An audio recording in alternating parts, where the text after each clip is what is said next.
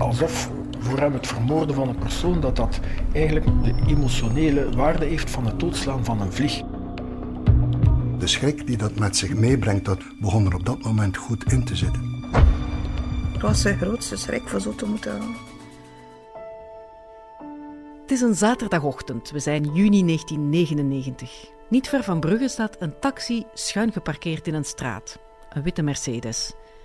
Het wit steekt schril af tegen het bloed dat uit de koffer zijpelt.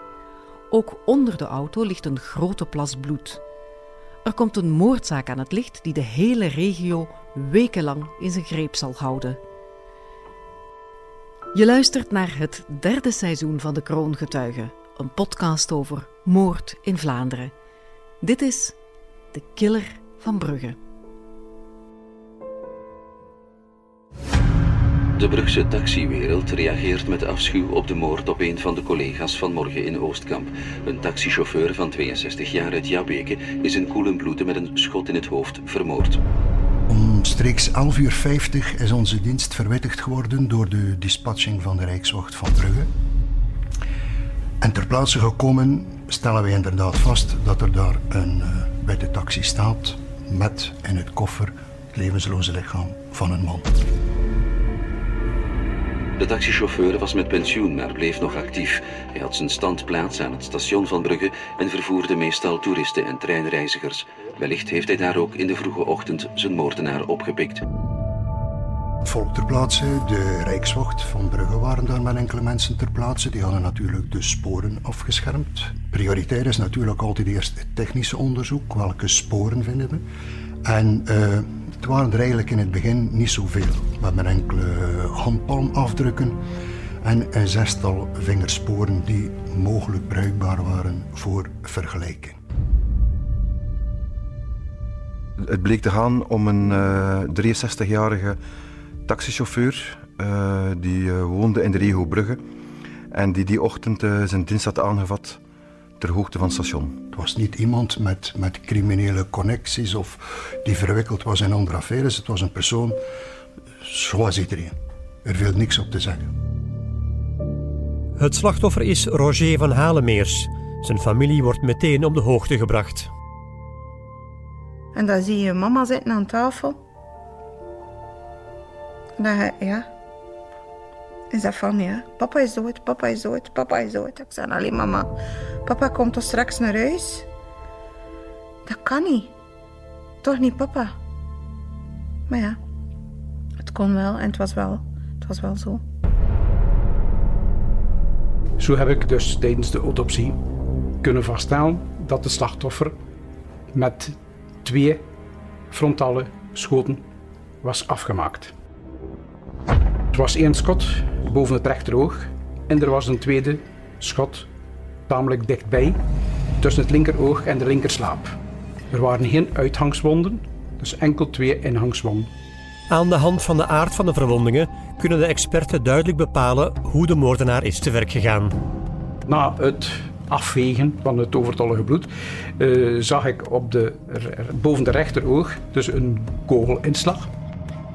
En er was absoluut geen tatoeagezone, dus de kruidresten die uit de loopmonding komen, hadden geen afdruk gemaakt. Dus dat wees erop dat het een contactschot was. Dat is een drugschot. Op dat ogenblik was het slachtoffer volledig in leven. En de schutter heeft het wapen met de loopmonding tegen het voorhoofd boven het rechteroog aangedrukt en het schot afgevuurd. En het tweede schot, daar hadden wij rond de erosiezone, de tatoeagezone, dus verschillende inslagen uh, van verbrandend kruid, die dus op het voorhoofd getekend waren. Roger van Halemeers is dus op een erg koelbloedige, berekende manier afgemaakt.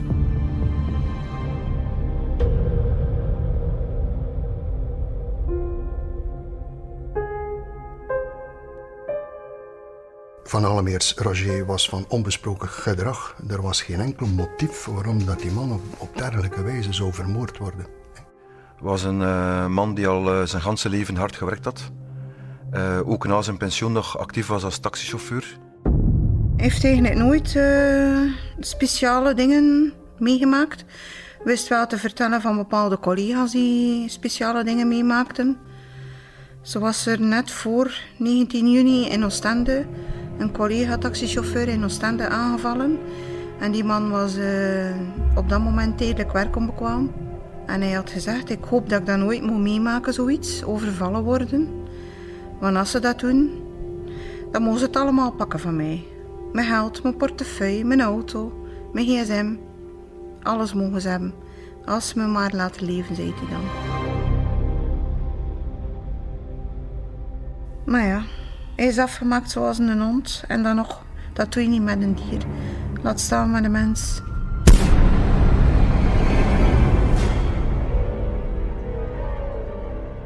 De onderzoeksrechter zet meteen meerdere speurders aan het werk. Alle mogelijke getuigen worden opgespoord. En dan heeft men navraag gedaan bij de taxichauffeurs wie dat die man was. En dan bleek dat hij zijn dienst juist had aangevat die ochtend uh, rond 6 uur. Er was een getuige die s morgens vroeg haar auto wilde buitenrijden en die min of meer gehinderd werd door die witte Mercedes. Vandaar dat ze die auto onthouden heeft en dat ze ook het uur wist dat ze die auto gezien had. En dat was 7 uur 15. Dus we konden veronderstellen dat om omstreeks dat tijdstip die auto daar al stond. De moordenaar was een van zijn eerste klanten die ochtend. Mogelijk gaat het om een roofmoord, want de portefeuille van de taxichauffeur is verdwenen. Wat wisten we ook? Uh, dat er daar 80 US-dollar in stak. Dat wisten we van de echtgenote, want hij had dat verteld aan haar. Hij had twee ritten naar Zeebrugge gedaan met Amerikanen, kort daarvoor. En uh, die hadden betaald met US-dollar. En hij had dat nog niet uitgewisseld. Hoeveel geld hij dan precies bij had en toen nog Belgische frank, dat was niet gekend. Maar dat was weg. Dat wisten we. Dus ja, dat was het enige motief. De speurders willen nu precies weten wat er tussen 6 en 7 uur s morgens is gebeurd. Alle buurtbewoners zijn daar verhoord en dat waren er heel wat. Uh, de mensen die rond dat tijdstip, uh, 6 uur, uh, 7 uur, van de trein gestapt zijn in het station van Brugge, proberen om daar verdachte personen uit te pikken. De personen die op de bus gestapt zijn rond dat tijdstip, uh, ook in Oostkamp. Want, allee, er start een heel breed onderzoek. Maar de eerste dagen dus heeft dat geen resultaat opgeleverd. Op die momenten vragen ze: heb je een vermoeden wie zou dat kunnen doen? En dan, dan gaan de wildste scenario's door je hoofd. En uh, op dat moment had mijn zus een vriend en papa was daar een beetje tegen. Ja, mijn vader had zo gezegd van ja, maar ja, je zou dat beter uitmaken en dat is geen goede jongen voor jou. En en die had, was er boos om, die jongen, en had gezegd van ja, ga je wel vinden. Van alle sporen die worden onderzocht, is een mogelijke wraakactie door de ex-vriend van een van zijn dochters de meest voor de hand liggende piste. Na verloop van tijd kunnen we die jongeman identificeren. En uh, op uh, eh, 25 juni, enkele dagen later, wordt hij uh, opgepakt voor verhoor. Bon, dat is nog een keer over Van Alemeers. Hier. Volgens de echtgenote van Roger van Alemeers heb jij je man ooit bedreigd met een mes. Ja, ik weet dat hij dat tegen haar gezegd heeft. Ja, waarom heb je dat gedaan? Dat is het juist, ik heb dat niet gedaan. Kijk, ik die vent niet bedreigd. Dat is uit de lucht gegrepen. Wilt hij me gewoon zwaar maken? Oké, okay, waar waren je in de nacht van vrijdag de 18e op zaterdag de 19e juni? Bij mijn pa.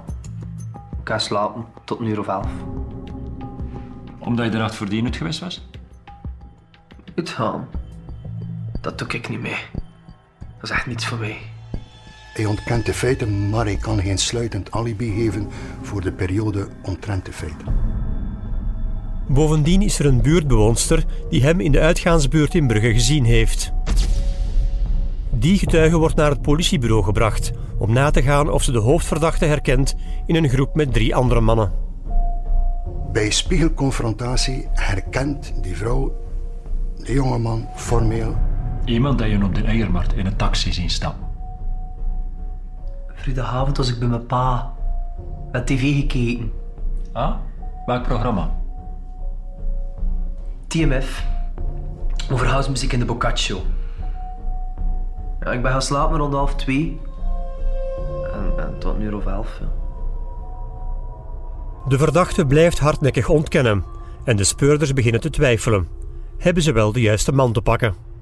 Het was de uitdrukkelijke wens van de onderzoeksrechters en ook van alle speurders dat alle sporen uh, opengehouden werden. Want ja, de jongeman bekende niet. Hè, en je moet in een onderzoek altijd voorzichtig zijn. Uh, er kunnen mensen toevallig op de verkeerde plaats en op het verkeerde moment zijn. Vier dagen na de moord komt er een belangrijke tip binnen. Een bediende van een wisselkantoor meldt dat iemand 80 dollar is komen wisselen. Enkele dagen later wordt ook die bankbediende uh, via de spiegelconfrontatie geconfronteerd met uh, de betrokken jongeman. En daar wordt hij ook formeel herkend. Iemand dat je herkent in een wisselkantoor. Toen hij 80 Amerikaanse dollars gewisseld hebt. Geen, geen 80 Amerikaanse dollars gewisseld? En zaterdagmorgen was ik niet op de Eiermarkt. Ik was aan het slapen. En op maandagnamiddag, de 21 juni? Toen ik bij een vriend blijven slapen. Wat had je de avond verdiend dan? We zijn naar de La Rocca geweest en hier. Dus de zondagnacht was je het geweest? Ja. Tja, in de vorige verklaringen heb je nogthans gezegd dat je al langer niet meer uitging. Wat heb je erop te zeggen? Ik was dat vergeten, ja. Je moet me geloven. Ik ben ook nooit in dat wisselkantoor geweest. Ik blijf met mijn alibi. De verdachte wordt betrapt op een leugen en twee getuigen hebben hem formeel herkend.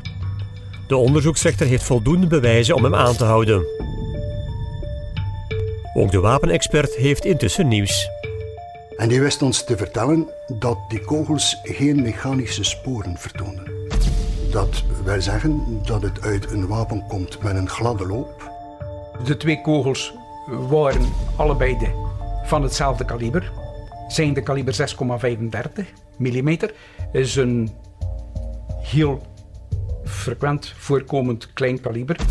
Zo'n type wapens, omgebouwde alarmpistolen met gladde loop, komen heel dikwijls voor bij kleinere criminelen, bij teruggebruikers. De hoofdverdachte is zelf een druggebruiker. Dan hebben we dat incident op de Eiermarkt, hè, waar dat hij uh, formeel herkend wordt en waar dat er weer mogelijk van een wapen wordt gesproken, ook een witte Mercedes. Dat zijn ernstige aanwijzingen om iemand aan te houden en om dat spoor verder uit te diepen. Die man is dan ook voor de raadkamer verschenen, die ook nog een keer zijn aanhouding bevestigd heeft. Dus er waren toch wel duidelijke aanwijzingen dat we op dat moment op het goede spoor zaten. De zaak lijkt opgelost, maar terwijl de verdachte in de cel zit, wordt Brugge op 30 juni, elf dagen na de moord, opgeschrikt door een gelijkaardige moord. Het slachtoffer is Fernand Verstappen. Hij is bestolen en vermoord in zijn eigen garage. Die man was uh, die ochtend naar zijn werk vertrokken aan de universiteit in Gent, maar bleek daar nooit toegekomen te zijn. En zijn echtgenote werd ongerust, heeft dan gevraagd aan zijn broer om uh, te gaan kijken in de garagebox of hij daar niet kon aangetroffen worden. En dus die avond heeft de broer dan uh, het lichaam aangetroffen in de garagebox naast zijn voertuig. Die persoon moet in zijn garage overvallen geweest zijn. Uh, want hij werd daar dood in aangetroffen, ook met een schotwonde in het achterhoofd.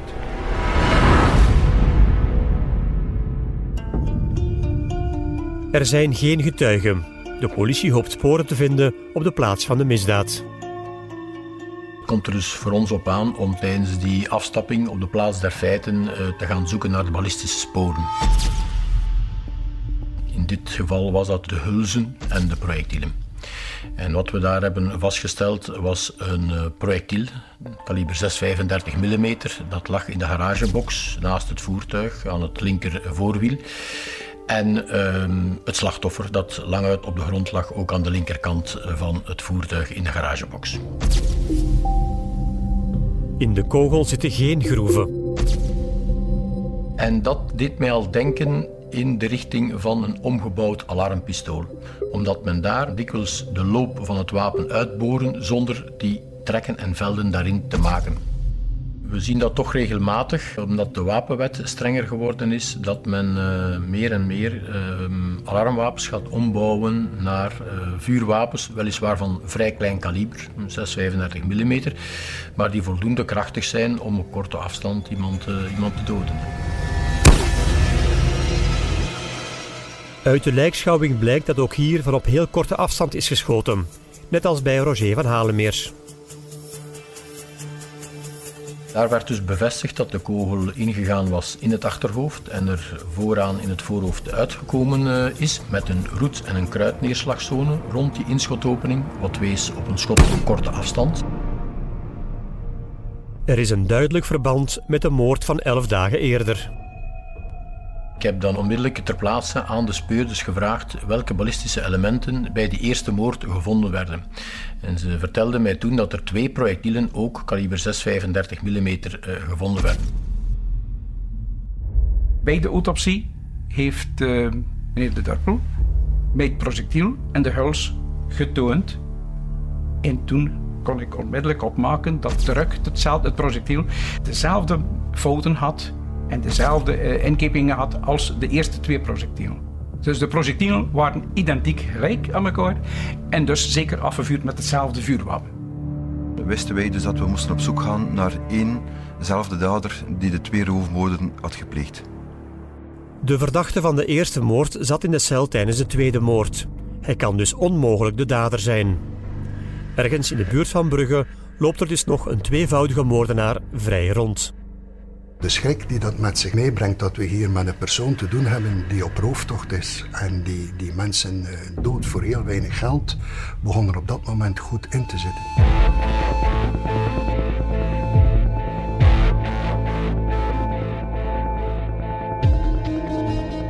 De buit bij de tweede roofmoord op Fernand Verstappen was 400 frank, dus omgerekend 10 eh, euro. Dat is geen reden om mensen te doden. Hè. Vandaar ook ja, de, de, de schrik die zich meester maakt, de bezorgdheid ook. Uh, van ja, we moeten, uh, we moeten hier hard aan voortwerken, hè, want straks gebeurt er nog een moord. Al sinds de eerste moord kwam er ook een andere verdachte in het vizier. Een ex-gedetineerde, die mogelijk opnieuw op rooftocht zou zijn. Commissaris Diezers van de politie van Brugge die merkt heel snel op, ja, maar uh, dergelijke feiten en zekere Mark Gevaert zal dat wel eens kunnen voor in aanmerking komen. Dat bleek een uh, jonge man te zijn uit Brugge, die al enkele jaren actief was in, de, in het criminele milieu. En er was ook nog een informatie dat hij in het uitgangsleven van Oostende zou uh, gepocht hebben met het feit van ja, ik ga nog wel een keer iets plegen uh, en ik zal ermee de pers halen. Je zult dat wel zien. Die was ook al enkele keren veroordeeld en was blijkbaar nog maar sinds de 30 mei vrijgelaten uit de gevangenis nadat hij daar een straf uh, tot de laatste dag had uitgezeten. Mark Gevaert kent bovendien de plaats van de taximoord. Omdat Mark Gevaert een vriendin uh, heeft gehad lange tijd die daar in de omgeving woonde. Bij de eerste moord werden vingerafdrukken gevonden. Als die overeenkomen met die van Mark Gevaert, dan is de ontknoping nabij. De bruikbare vingersporen worden onmiddellijk opgezonden naar het NICC in Brussel met vraag om te vergelijken met de sporen van Mark Gevaert. Maar we krijgen ook vrij snel het antwoord dat dat negatief is. Toch blijven de speurders op zoek gaan naar Gevaert, maar die lijkt van de aardbol verdwenen. Bij het verlaten van de gevangenis moet hij een verblijfplaats opgeven, maar dat klopte niet. En al de tips die wij binnenkregen, en we hebben er veel gehad over verblijfplaatsen, klopten telkens niet. Gevaert kwam negen maanden eerder nog in aanraking met de politie van De Haan, waar hij werd vastgehouden voor wapenbezit. Hebben wij de politie De Haan gecontacteerd. En toen bleek dat zij over een gsm-nummer van Mark Gevaert beschikten. Nu, dat gsm-nummer bleek nog te bestaan. De politie belt naar het gsm-nummer om Gevaert met een uitvlucht naar het politiekantoor te lokken. Mark Gevaert heeft die telefoonoproep beantwoord. Uh, zeggende dat hij zich in Luik bevond en dat het wel niet zo gemakkelijk was, maar alleen, hij was dan bereid om naar de politie te komen. Het plan was om hem daar te volgen. We gingen hem daar oppikken, volgen en zien waarheen dat hij ons leidde. Nog eens om die verblijfplaats van hem of verblijfplaatsen te kunnen lokaliseren. Maar Gevaert komt niet opdagen. Dus dat plan valt in duigen. Maar door de bewaking van de telefoon zien wij dat hij niet gebeld heeft vanuit Luik, maar uit Centrumbrugge. Dus op dat ogenblik hebben wij alles in het werk gesteld om in Centrumbrugge iedereen te verwittigen die wij maar konden om uit te kijken naar Mark Gevaert.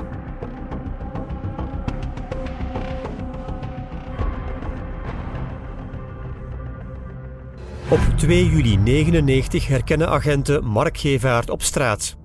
Hij wordt meegenomen naar het commissariaat. Op dat moment heeft de politie nog altijd geen hard bewijs tegen hem. Kom je soms wel een keer op de eiermarkt in Brugge? Te lang geleden. Voor zeker tien jaar, bezig. Ook niet voor een keer een taxi te pakken. Pak ik geen taxis, ik weet ik in de stad. Waar wonen je precies? Bij een vriendinnen van mij. Ik slaap op een aparte kamer. Hij werkt. Dank. En waar leef je dan? Zeer rood mee. Maar ik heb papieren en vraagt aan het OCMW voor steungeld te krijgen. Uh, zullen we weer een zoekingen mogen doen in dat appartement van je vriendinnen? Natuurlijk dat. hè. De huiszoeking wordt meteen uitgevoerd. Intussen blijft Gevaert tijdens het verhoor onverstoorbaar. Die man zat er heel rustig. Uh, ijskoud. Ja, je kunt het omschrijven met het Engelse woord cool. Niks aan zijn persoon, aan zijn gedragingen verraden dat hij zenuwachtig was of zo. Nee. Eh, doe maar. Ik heb er niks mee te maken. En ga maar zoeken. Het huis van de vriendin wordt van onder tot boven doorzocht. In de kamer waar Gevaert slaapt wordt een plastic tas gevonden. Met daarin kleren, een bivakmuts, handschoenen en handboeien. Maar dat is nog altijd geen bewijs. Op zolder hebben de speurders meer geluk. Kent dat, een zolder? Allerhande rommel. Hè? En daar stond een oude stereoketen. En hij had de achterkant daarvan losgewezen. Hij had dat doosje daarin gestopt met het wapen en alles lader en geluidsdemper erbij. En dat terug, het deksel achteraan terug, dichtgewezen en dat zat erin. Je weet dat er in Bruges de laatste dit twee moorden gepleegd zijn, hè? Ik heb er wat van gehoord, ja. Met een pistool kaliber 6.35 zag je dan het wadden. Net. Zilverkleurig, zwart handvat. Het zijn mij niet. En toch hebben we dat wapen gevonden op de zolder van wat hij woont. Zilverkleurig, zwart handvat, kaliber 6.35. Wordt geen dit voor de waarheid? Ik heb dat wat gekocht, ja. Voor overval te plegen. Ja. Maar alleen om het in benauwd te maken. Niet om te schieten. Het was een omgebouwd alarmpistool van het merk Valtro, eh, model Mini, dat oorspronkelijk eh, alleen maar blankpatronen kan afvuren, kaliber eh, 8 mm. Blankpatronen zijn patronen waar wel kruid in zit om een knal te genereren, maar waar geen projectiel in zit. Dus en de loop van een dergelijk alarmpistool die is normaal ook niet open, zodanig eh, er gaat geen projectiel door. Het is enkel een, een, een gaatje in om het gas te laten ontsnappen. Ehm, die werd dus uitgeboord, die loop werd uitgeboord en lichtjes aangepast, zodanig dat er wel patronen met projectielen eh, kaliber 6,35 mm mee kon afgevuurd worden. Dus ik heb verschillende schietproeven gedaan en die werkten perfect. Het, het was zeer professioneel gedaan.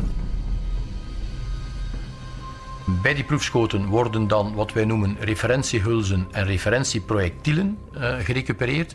En die projectielen en hulzen worden dan vergeleken met de projectielen die we op de plaats van het misdrijf aantreffen. En zo konden we zeggen en vaststellen dus dat ieder projectiel met elkaar matchte. Mark Gevaert staat schaakmat. En dan heeft hij toegegeven dat hij de twee moorden heeft gepleegd. En heeft hij een, een vrij omstandige verklaring gegeven hoe dat de feiten gebeurd zijn. Waarom overval? Kan geen geld. Ik was een platzak. Ik wist zelfs niet wat slapen. Ik zat compleet aan de grond. Je kunt ook werk zoeken, hè? Ja. Op dat moment doolt hij in Brugge rond, op zoek naar een slachtoffer om te kunnen beroven. En dat slachtoffer zou een willekeurig persoon zijn ja, die op dat verkeerde moment op de verkeerde plaats was. Dus meisje overvallen. Slachtoffers genoeg. Maar de courage om een overval te plegen, dat wat anders. Hè. Maar feit is dat hij om 35 moe gewandeld eindigt op een bank ter hoogte van het station van Brugge. En dat hij dan om 6 uur 30 de taxi van het slachtoffer ziet toekomen. En dan zit hij er nog wat en bedenkt hij, ja, die taxi heeft misschien de hele nacht gereden. Die man zal wellicht wel een dikke portefeuille hebben. Ik zou eigenlijk wel die taxi kunnen overvallen. Ik heb toen dat pistool in mijn binnenzak gestoken. Ik heb een taxi gepakt. Ik heb de chauffeur gevraagd me naar Wardamme te brengen. Waarom Wardamme? Dat is arrest, hè. Ja. Centrale klanktje voor Wardamme, over.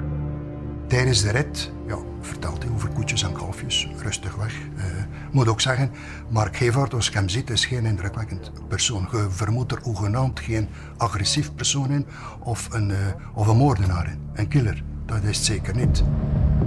Gevaert loodst Roger van Halemeers naar een afgelegen landweg waar een boerderij staat. Ja, ja, moet die stoppen, je moet die stoppen. En hij doet voor alsof hij in die boerderij woont. Dus de taxichauffeur stopt ter hoogte van die boerderij. Kunt je weer even op 10 dust? Oh, nee, nee, nee. Ga een portefeuille pakken. Nee, zit in mijn achterzak. Ja, dat mag wel, meneer. Wat is er dan precies gebeurd? Ik kost het teruggeven op 10 duizend frank.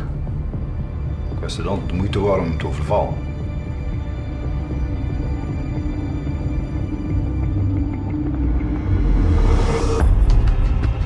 Meneer, moet je portefeuille pakken? Ga naar buiten. En snel. Zie je. Kom. Naar buiten.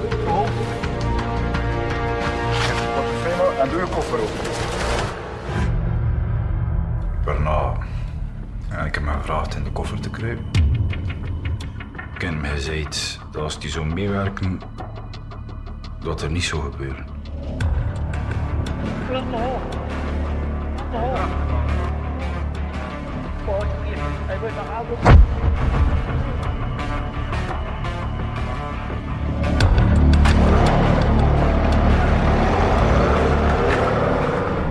een tiental meters verder is, bedenkt hij zich plots. Hij realiseert zich, ja maar ja, ik, ik heb in de gevangenis gezeten, er bestaan foto's van mij. Als die foto's voorgelegd worden, zal de taxichauffeur mij zeker kunnen herkennen. En dat wil ik niet.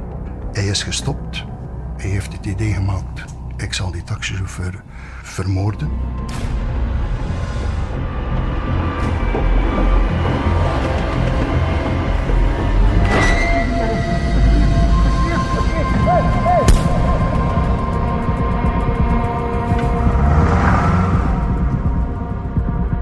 Ben er terug ingestapt, ik heb verder gereden. En toen op hoor ik hoesten in de koffer. Ik zei gestopt.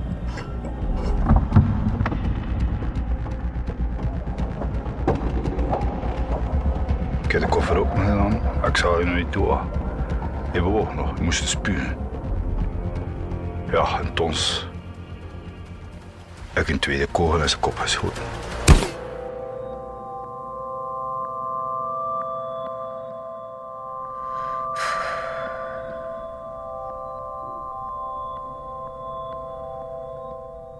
Het was zijn grootste schrik voor zo te moeten gaan. Echt zijn grootste schrik. Hij moet doodsbang geweest zijn. Het was zijn grootste angst om zo te moeten gaan. Waarom overvallen? Kan je geld? Ik word een platzak. Hij vertelde het verhaal, we zouden het kunnen zeggen, op machinale wijze. Zo, hè, dat gebeurd was. Maar emotie op dat moment kon je niet zien bij hem. Verdriet of, of eh, empathie met de slachtoffers. Nee, het was een, ja, een cool verhaal. Punt, sick. Moest dan toch dood? Ja, mijn aangezegd is hij. Je zou meer kennen. Kost niet anders dan dosie.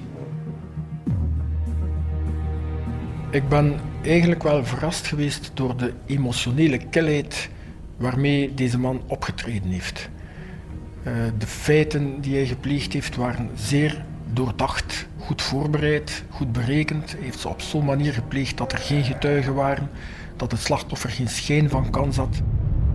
Zeggen, de patronen zijn in beide gevallen van heel dichtbij afgevuurd. Dus ja, dat is al niet evident om een slachtoffer van kortbij door het hoofd te schieten. Het is niet aan iedereen gegeven om dat zomaar te doen. Je komt dat niet alle dagen tegen.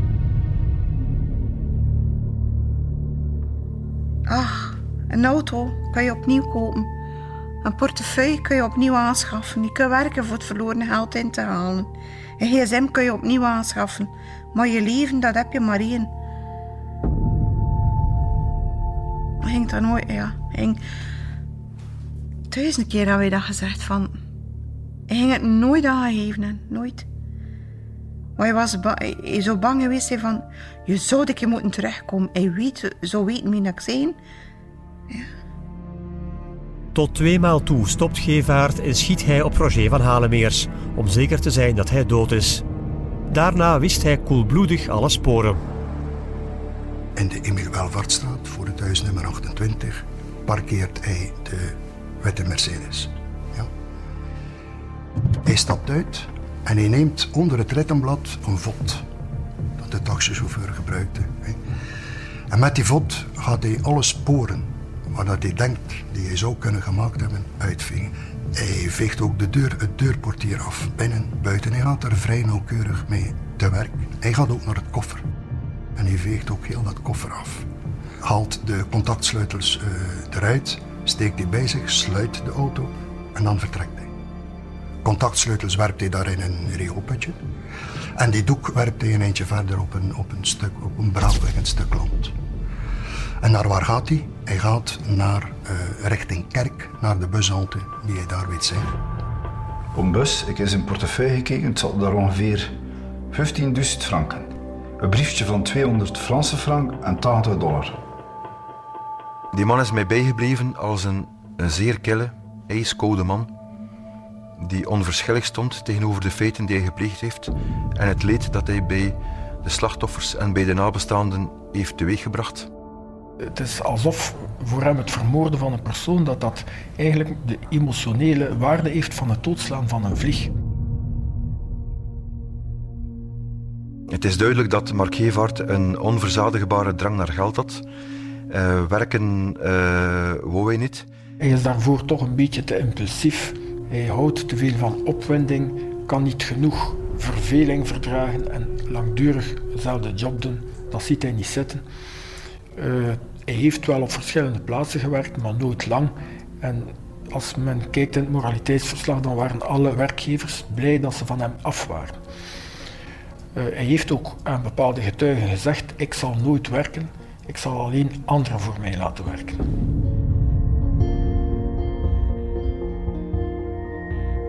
Reeds van in de jeugd zijn er serieuze problemen. Op school stelt hij allerlei crimineel gedrag en een grote diversiteit aan crimineel gedrag.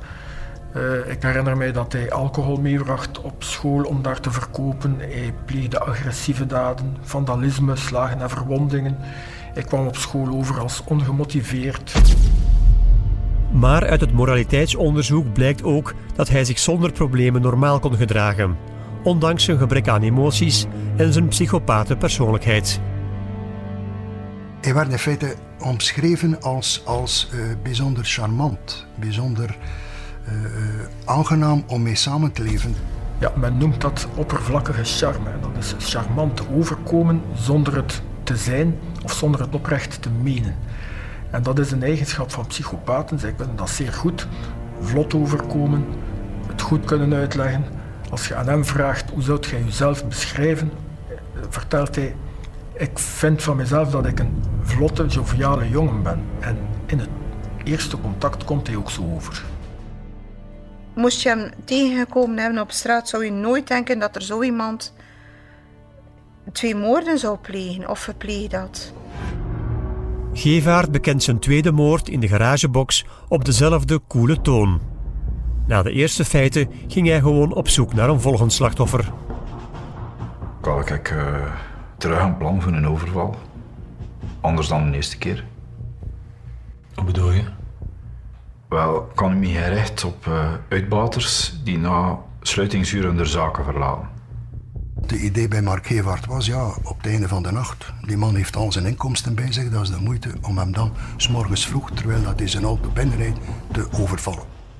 Ik heb toen wat rondhangen in het gebeurt. Ik heb dan een bakker in een sigarettenwinkel gezien. Had jij niet overvallen? Nee. Waarom niet? Wel, uh, ik heb een bakker overgeslegen omdat er te veel volk waren. Stond het tot twee à drie man. En uh, ja, de sigarettenwinkel, dat was een madamtje. Ja, madamtjes, uh, dan stop het. Ik weet dat niet. In zijn jeugdjaren zegt hij, ja, als ik ooit eens liefde heb ondervonden, waren dat van vrouwen en tante en zo. Eh, maar van mannen nooit. En ik had een haat tegen mannen. Maar vrouwen zou ik niks doen en kinderen zou ik niks doen. Maar met mannen had hij geen enkel mededogen. Op de binnenplaats van een parkeerterrein met enkele garageboxen stelt Gevaert zich verdekt op. Hij wil er wachten op de eerste persoon die arriveert. Fernand Verstappen was de verkeerde man op de verkeerde plaats. De man gaat het uh, parkingcomplex binnen, hij volgt hem. Hij heeft geen tijd meer voor die bivak met te doen. Dus meteen is het slachtoffer veroordeeld.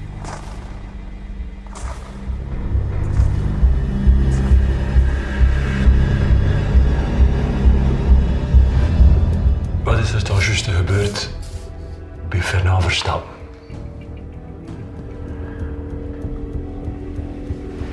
Hij stond met zijn ruin om in. Hij krijgt uh, zonder te meten. En om een keer hij draait, hij zegt dat ik uh, zijn portefeuille en zijn auto mag hebben en tons. Ja. U houdt uw portefeuille. Mark Gevaert had op dat moment in zijn hoofd, hij moet eraan. En dan speelt hij een, een sluwspel. Hij zegt tegen die man, ja maar ja, kijk, ga naar het einde van je garage. Die man doet dat niet, de man heeft schrik. Maar hij zegt, kijk, ooit doet, ik ga je niet neerschieten, ik ga je enkel een klop op je hoofd geven met mijn wapen. Ik ga ook kloppen, ik ga je niet neerschieten. En hij neemt het wapen bij de loop hè, en hij doet alsof hij hem een slag met dat wapen op het achter. Hij maakt die beweging. Op dat moment gelooft die man hem. Hij zegt nog tegen hem, ja, maar als je maar niet te hard slaat. Maar van zodra hij de rug gedraaid heeft, schiet Mark Gever hem dus van heel kortbij door het achterhoofd.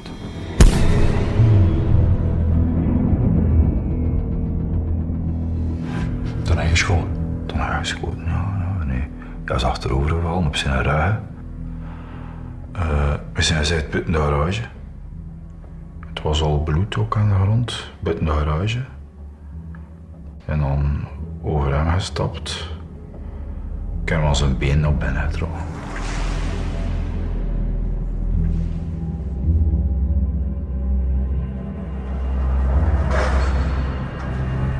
Dan heeft hij de garagepoort gesloten en hij heeft de mouwen van zijn, van zijn jas over zijn handen getrokken om dat te doen, zodanig dat er zeker geen vingersporen waren.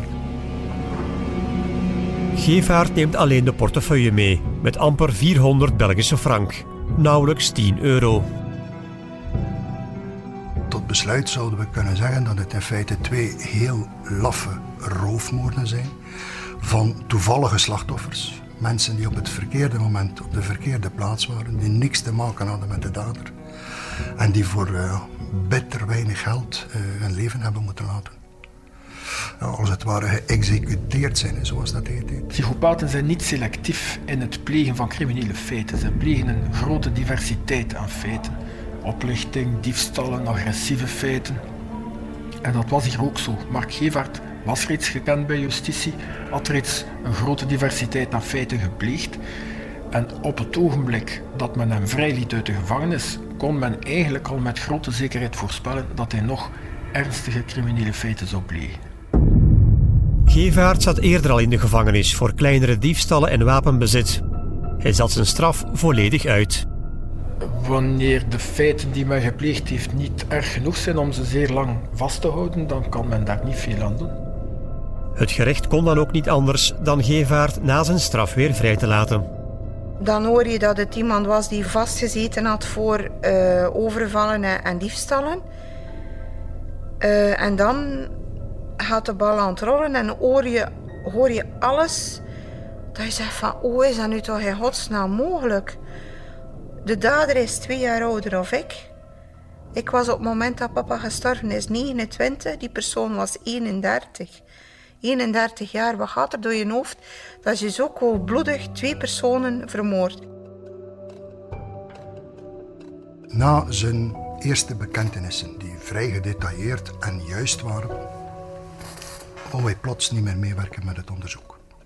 Hij zei, kijk, je hebt alles, je hebt alle bewijzen, je hebt mijn verklaring. Uh, ik zie in wat ik gedaan heb dat dat beestachtig is. Uh, ik stap uit het leven. Ik pleeg zelfmoord. Schuldgevoel is ook vreemd aan psychopaten. Zij hebben geen schuldgevoel. Dat is ook de reden waarom zij zo gemakkelijk nieuwe feiten plegen. Wanneer men kijkt naar de voorgeschiedenis, dan pleegt hij herhaaldelijk agressie op verschillende personen. Belooft hij opnieuw, telkens opnieuw, dat hij ermee zal ophouden of dat hij het niet meer zal doen, maar valt hij telkens in hetzelfde gedrag. Dat is eigen aan psychopaat. Gevaert pleegt dan ook geen zelfmoord. Hij gaat gewoon in de cel en wacht daar zijn proces af. Er was uh, duidelijk opluchting uh, wanneer dat, uh, het bekend werd dat we de dader hadden. zowel bij de politiediensten als bij de bevolking. Het leefde wel. Voor onze regio waren dat belangrijke feiten, feiten die, die angst inboezemden. Die, die de nodige bezorgdheid met zich meebrachten, zeker vanuit de politiediensten. Drie jaar later, in juni 2002, krijgt Mark Gevaert in Brugge zijn assiseproces. Op het proces zelf zat die man er emotieloos bij, zeer rustig, zeer gelaten.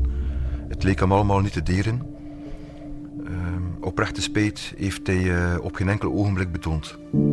De nabestaanden kijken de moordenaar dan voor het eerst in de ogen. Op dat moment denk je van... Uh, ik wil nu toch wel een keer zien wie dat, dat gedaan heeft. Wie daarvoor verantwoordelijk is.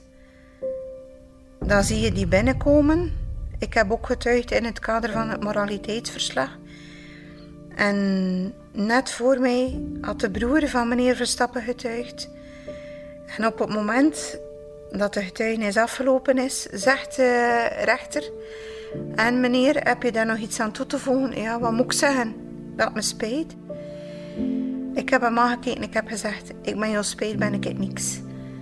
Je hebt mijn vader geen kans gegeven. Hij ging je nog nooit aangegeven hebben. Je hebt hem geen kans gegeven. Maar je spijt ben ik niks. En vergeven kan je dat niet vergeten, ook niet. Het was duidelijk voor de jury dat dat geen oprechte spijt was. Het vermogen om spijt te hebben, dat is een emotioneel element, dat is een emotioneel gegeven. Iemand die geen emoties kan hebben, die kan ook geen spijt hebben.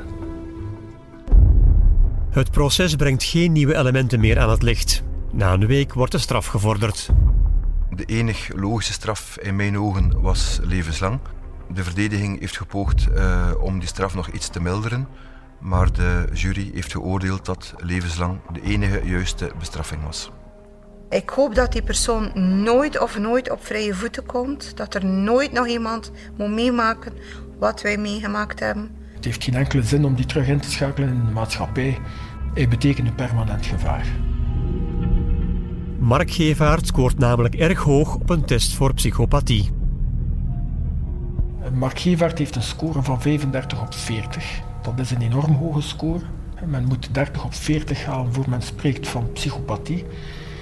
Eh, met zijn score kan men ongeveer zeggen dat hij bij de 10% gevaarlijkste gedetineerden hoort.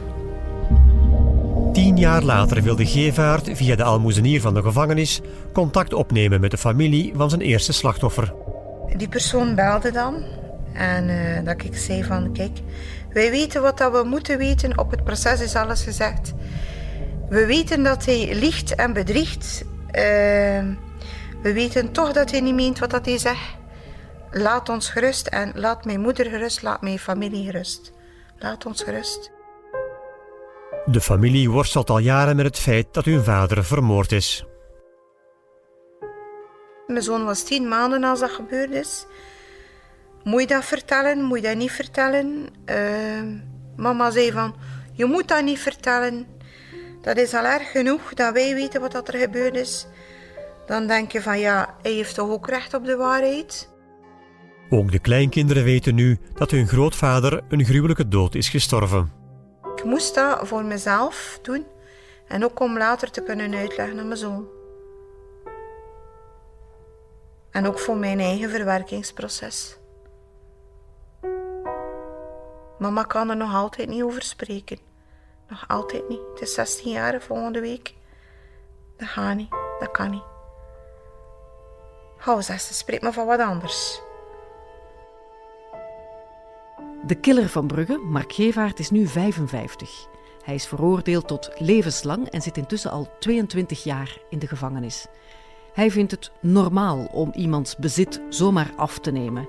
En een mensenleven is voor hem niets waard.